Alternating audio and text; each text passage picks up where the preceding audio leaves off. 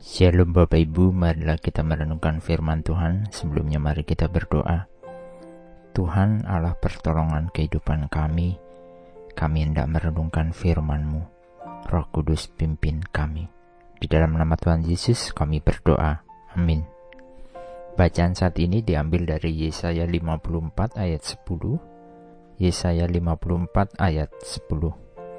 Sebab biarpun gunung-gunung beranjak dan bukit-bukit bergoyang, tetapi kasih setiaku tidak akan beranjak daripadamu, dan perjanjian damaiku tidak akan bergoyang.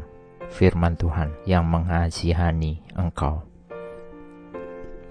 Ketika manusia mengalami problema dalam kehidupannya, maka kita akan merasakan tekanan perasaan yang dalam dan mengganggu kehidupan kita.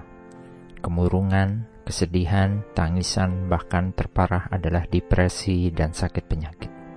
Situasi seperti ini sangatlah mengganggu, apalagi jika dikaitkan dengan kinerja sebagai manusia yang produktif, maka kondisi ini menurunkan semangat, membuat kecemasan dan kekhawatiran.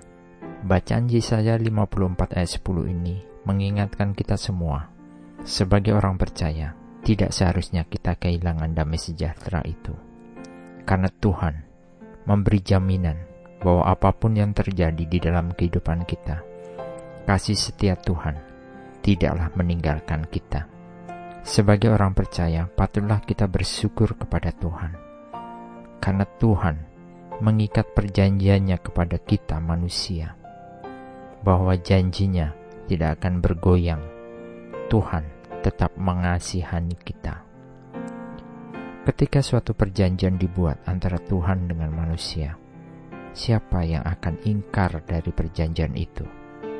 Tentu manusialah yang akan lebih banyak mengabaikan perjanjian itu. Sementara di sisi Tuhan, apa pun yang sudah dijanjikannya, itu adalah perjanjian dengan jaminan, tidak akan dicederai oleh Tuhan itu sendiri. Tuhan setia memenuhi janjinya. Sungguh, kita harus bersyukur untuk hal ini.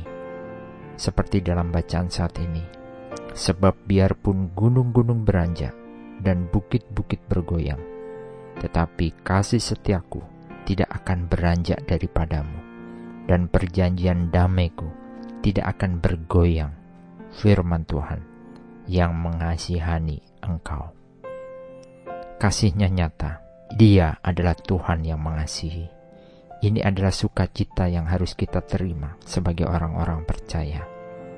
Damai sejahtera dalam kehidupan kita akan kita miliki ketika kita bersandar penuh kepada Tuhan. Oleh karenanya, kita harus hidup dan tinggal dekat Tuhan dan menaati firman-firmannya. Sebab hanya orang-orang yang teguh hatinya melekat kepada Tuhan dan firman-Nya yang akan peroleh seluruh damai sejahtera Tuhan. Amin. Mari kita berdoa. Bapa Surgawi, sungguh kami bersyukur sebagai umat yang percaya kepada Tuhan, karena ada jaminan kasih setia Tuhan setiap hari. Janjimu terus berlaku dalam hidup kami. Kiranya kami dapat hidup seturut perintah dan firman Tuhan. Dalam Tuhan Yesus, kami berdoa. Amin. Tuhan Yesus memberkati. Shalom.